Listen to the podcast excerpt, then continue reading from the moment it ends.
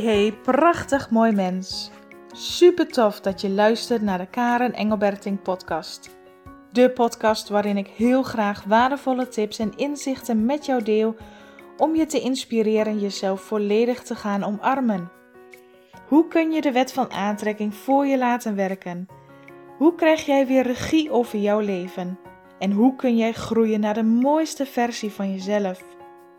Meer gaan leven vanuit liefde en vertrouwen met een open hart om te gaan genieten van je levensreis.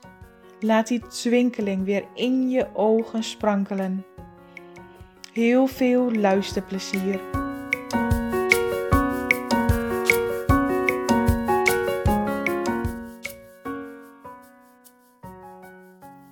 Een hele goede morgen deze mooie dag. En wat fijn dat je weer luistert. Wat fijn dat je je weer laat inspireren. Ook vandaag heb ik weer een mooi onderwerp wat ik met jou wil delen. Namelijk het innerlijk kindstuk. Misschien heb je er wel eens van gehoord, misschien is dit nieuw voor jou. Laat mij het dan eerst eens even uitleggen. Ieder mens heeft innerlijk kindsdelen. En om dat het makkelijkste uit te leggen, kan ik het beste zo omschrijven. Toen jij als kind opgroeide, en dat is vanaf het moment dat jij hier op aarde geboren werd als baby.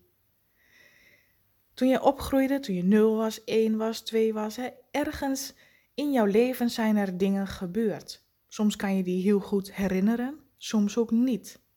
Momenten als dat je je afgewezen voelt als kind. Of momenten dat je je helemaal alleen voelde gelaten. Of het moment dat jij als kind besefte, ik krijg niet de liefde en de aandacht die ik van mijn ouder nodig ben. Of op het moment dat jij zag dat je ouders ruzie maakten. Of misschien veel erger, dat ze gingen scheiden. Of wat er ook is gebeurd in jouw leven. Al die momenten dat jij als kind dat zag en voelde. Hè, want als kind voel je emoties, maar als kind weet je nog niet hoe je daarmee om moet gaan. Want kinderen zijn nog niet in staat om emoties te verwerken. Dat is je taak nu als volwassen persoon. Maar als je als kind iets hebt meegemaakt, en soms kan dat iets heel klein zijn, dat je bijvoorbeeld een tekening voor een van je ouders maakte, maar dat zij op dat moment geen tijd hadden om die tekening te bekijken, en dat jij je als kind helemaal afgewezen voelde van, oh, ik heb zoiets moois gemaakt, maar ze willen het niet zien. Het kunnen kleine dingen zijn, maar grote dingen. En elk moment dat er zoiets is gebeurd, dat jij als kind een heftige emotie voelde, met daarbij een, een afwijzing of een overtuiging als ik ben niet goed genoeg. En ja, echt, dat begin je als kind al te ontwikkelen. Die momenten als kind zijnde, dat is als het ware, er wordt een, net als je een screenshot kunt maken van je telefoon, hè, dan wordt er op dat moment een screenshot gemaakt van jou, van jou als kind. En die wordt opgeslagen.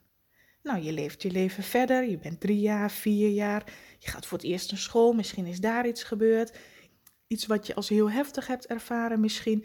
Misschien weet je het ook allemaal niet meer, maar jouw onderbewustzijn wel. Stel dat daar ook iets is gebeurd, heb weer een screenshot wordt er gemaakt en opgeslagen in jouw onzichtbare rugzak, jouw onderbewustzijn. En dan groei je verder door naar vijf. Misschien is daar ook wat gebeurd. En zes, daar wat gebeurd. Elke keer wordt er als het ware een screenshot gemaakt van het kind wat je toen was. En die wordt opgeslagen. En het ene screenshot kind voelde zich afgewezen. Het andere screenshot kind van vier jaar voelde zich helemaal alleen en in de steek gelaten. Andere screenshot van een kind van zes jaar voelde zich niet geliefd en niet gehoord.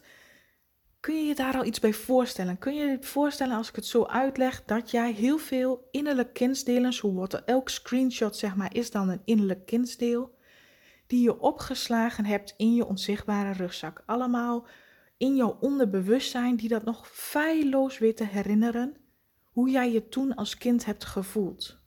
Wat jij als kind hebt gezien, wat je hebt ervaren. Die momenten van emoties kun je als kind dus nog niet verwerken. Dus dat plaatje, die screenshot met bijhangende emotie zit opgeslagen in jouw onzichtbare rugzak. Inmiddels ben je volwassen. Inmiddels leef je jouw leven maar met in jouw onzichtbare rugzak die screenshots van al die innerlijke kindsdelen. En elke keer wanneer er nu een situatie gebeurt, Dus stel je voor, hè, je bent op het werk en je neemt heel veel verantwoordelijkheid op je. En je hebt het gevoel dat jij alles moet doen en dat andere collega's minder doen. Dan kan het best zijn dat de screenshot van innerlijk kindsdeel van jouw vierjarige zijn, die zich alleen voelde en daardoor als compensatie heeft aangeleerd om heel veel te doen voor anderen, zodat ze zich niet meer alleen voelde.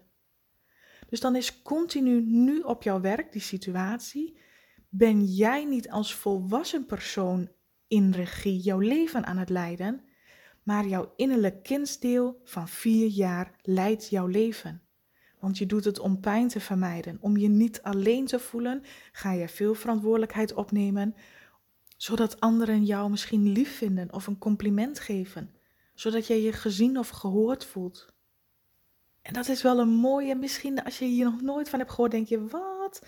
Luister deze podcast dan gerust nog eens een keer om het in te laten zakken. En je kunt het ook zien bij anderen. Je kunt het ook zien bij anderen. En als je het nog niet bij jezelf durft of kunt zien, let dan eens op daar bij anderen. Dat is zo inzichtgevend. Misschien een voorbeeld. Je hebt vast wel een persoon in jouw omgeving die bijvoorbeeld altijd heel vriendelijk is en heel goed lachs is.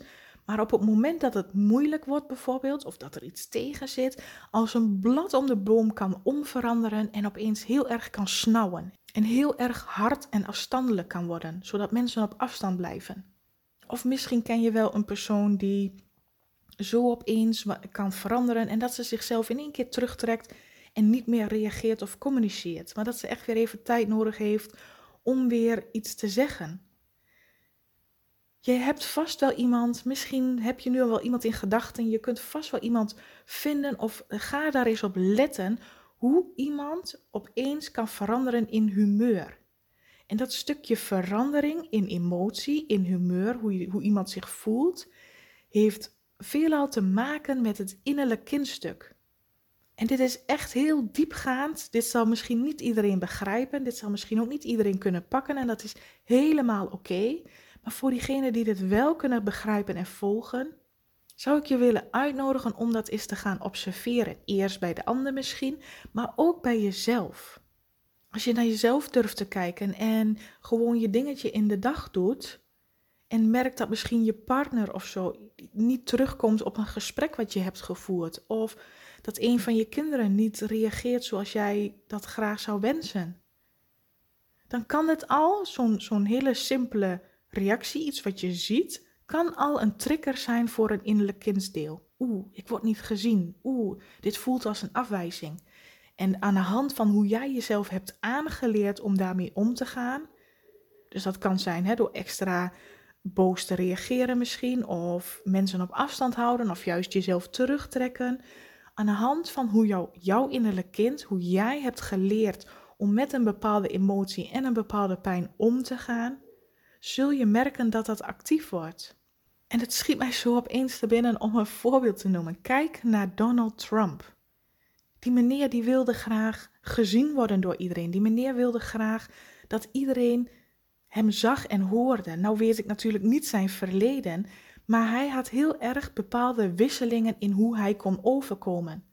Ik kan mij nog herinneren dat ik een keer naar een persconferentie van hem zat te kijken, waarin hij aan het vertellen was en dat een journalist hem onderbrak. En dat hij op dat moment opeens omsloeg en heel hard en heel gemeen terugpraatte en van het podium afliep. En dan kan je zeggen van wat gemeen, He, want, want raar dat, dat een volwassen persoon zo doet, maar ik kijk daar met hele andere ogen naar. Wat als in hem dat innerlijk kind werd geactiveerd van een jaar of drie, vier, vijf, zes, welke leeftijd bij hem dat ook heeft getriggerd, die zegt, oeh, ik word er niet naar mij geluisterd, nou ik loop wel weg. Dan is dat zijn patroon, zijn overlevingsmechanismen, die geactiveerd wordt wanneer hij het gevoel krijgt dat hij niet geliefd wordt door iedereen, dat hij niet gerespecteerd wordt door iedereen. En zo zullen er altijd mensen zijn die innerlijke kindsdelen hebben. Iedereen heeft dat. Iedereen heeft zijn rugzak vol met screenshots van innerlijke kindsdelen die op een moment iets heeft gevoeld of ervaren waar je als kind niet mee om kon gaan. En dan zul je misschien wel denken: oké, nou stel dat mijn hele rugzak vol zit, wat doe ik er dan mee? Dat is jouw levensreis hier op aarde, dat jij die innerlijke kindstukken, zo noemen we het dan maar even, hè, want eigenlijk zijn het herinneringen en ervaringen van emoties die je op dat moment niet kon plaatsen of kon verwerken. Dus die verwerking mag nu plaatsvinden. En door situaties die nu in het heden jou overkomen of die jij ziet, triggeren slechts één van die innerlijke kindsdelen in jou. Maar als jij die innerlijke kindsdelen, die pijn, die emotie niet erkent in jezelf, maar er overheen walst en de situatie zoals die nu is probeert te veranderen, dan erken je jouw gevoel niet. En kan dat gevoel ook niet, nog steeds niet, verwerkt worden. Om daarin een kleine stap te beginnen, is het al heel veel waard wanneer je er bewust van wordt wanneer jij als volwassen versie aan het stuur bent, of wanneer er door een, een situatie, door een opmerking, door een blik, door iets wat er gezegd wordt, wanneer jouw um, gevoel opeens verandert. Dat je, bij je, dat je bij jezelf echt nadenkt, hé, ik voelde me net nog ontzettend fijn en, en goed en er gebeurde iets en bam, in één keer voel ik me boos of verdrietig of heb ik de neiging om, om weg te lopen. Dat je dat bij jezelf gaat herkennen. Dat je je daar bewust van gaat worden. Dat is al echt stap nummer 1 die zo ontzettend waardevol is. Daarnaast gaan we het in mijn online training First Love Yourself daar ook verder en dieper op in. Hoe jij met die innerlijke kindsdelen omgaat. Want als je dit concept begrijpt en als jij jouw eigen innerlijke kindsdelen begrijpt, dus onverwerkte emoties, en jij gaat die zien en er laten zijn en eruit komen en ermee aan de slag en om te helen, dan hoef jij dus niet steeds meer jouw volwassen leven te laten leiden door een innerlijk kindsdeel. Maar dan pak jij de regie weer als volwassen versie. Oh, en dit is, oh, dit is echt, dit gaat zo diep. Want welke keuzes heb je dan gemaakt? En passen die dan nog bij jou? Dit is ook voor mij een moment geweest op enig moment in mijn leven besefte ik ook dat ik zoveel keuzes heb gemaakt vanuit mijn gekwetste innerlijke kindsdelen. Toen ik begon te beseffen dat ik al die innerlijke kindsdelen in mij altijd heb genegeerd, waardoor zij als het ware steeds harder gingen schreeuwen, waardoor een emotie als het ware steeds feller en, en sterker werd, kon ik op een gegeven moment niet meer om, om dit concept heen. Innerlijke kindstukken delen in jou herinneringen, ervaringen die je hebt opgedaan, maar nog niet zijn verwerkt. Op het moment dat jij daarmee aan de slag gaat, zul je merken dat jij veel meer die vrijheid in jouw leven gaat ervaren, ruimte gaat ervaren, dat niet jouw hele energieveld opgeslokt wordt door jouw ego en al die innerlijke kindstukken, maar dat er ruimte is voor de volwassen versie van jezelf, die zelf mag kiezen en bepalen welke keuzes die maakt, hoe die reageert, waar die naartoe wenst te groeien. Zonder dat jij het gevoel hebt dat jij steeds wordt overgenomen door een emotie, wordt overdonderd door een trigger en dan opeens reageert, zo uit je slof schiet of zo opeens iets doet waarvan je achteraf denkt: hoe dan? Hoe kon dat gebeuren? Om dit stuk, om die innerlijke kindsdelen die heel snel actief worden op het moment dat er een herinnering bij is, een situatie nu getriggerd wordt die jou doet herinneren aan iets uit jouw jeugd van een innerlijk kindstuk. En die stukjes mag je gaan helen. En als die stukjes geheeld worden, gezien worden, ontstaat er steeds meer ruimte voor jou, de authentieke jij, de volwassen versie, jouw volgende mooiste versie, de bewuste jij die bewust keuzes kan maken. En dat is zo gaaf, dat is zo anders. Je mag eigenlijk als het ware jezelf helemaal opnieuw leren ontdekken. Van wie ben ik dan echt?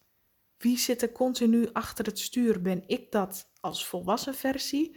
Of zit er een innerlijk kind achter het stuur die mijn leven aan het leiden is? Oké, ik besef dat dit heel diep gaat. Ik hou hiervan om echt naar mezelf te kijken, want hoe meer je dat doet, hoe meer je eigenlijk die onverwerkte emoties en ervaringen gaat helen, hoe meer echt het leven zoveel leuker en aangenamer wordt, want die zware ballast is eraf. Die wordt steeds lichter. Als je dit nog niet helemaal snapt, is dat ook oké. Misschien vind je het fijn om nog eens een keer deze podcast te laten luisteren, zodat het kan indalen. Geef het ook de tijd en de ruimte. Misschien begrijp je het nu nog niet, maar volgende week of over een maand klikt die opeens in. Dat is allemaal oké. Ik hoop je hiermee met deze podcast wel te hebben geïnspireerd en in, of in ieder geval tot nadenken hebt aangezet. Dat je hierover gaat nadenken of het bij anderen gaat herkennen. Alles is oké daarin. Het is een reis. En gun jezelf die groei en ontwikkeling. Gun jezelf het helen van al jouw onverwerkte emoties. Want jij bent dat waard. En dat maakt jouw leven een stuk mooier, lichter en fijner. En voor vandaag wens ik jou weer een hele fijne, liefdevolle dag.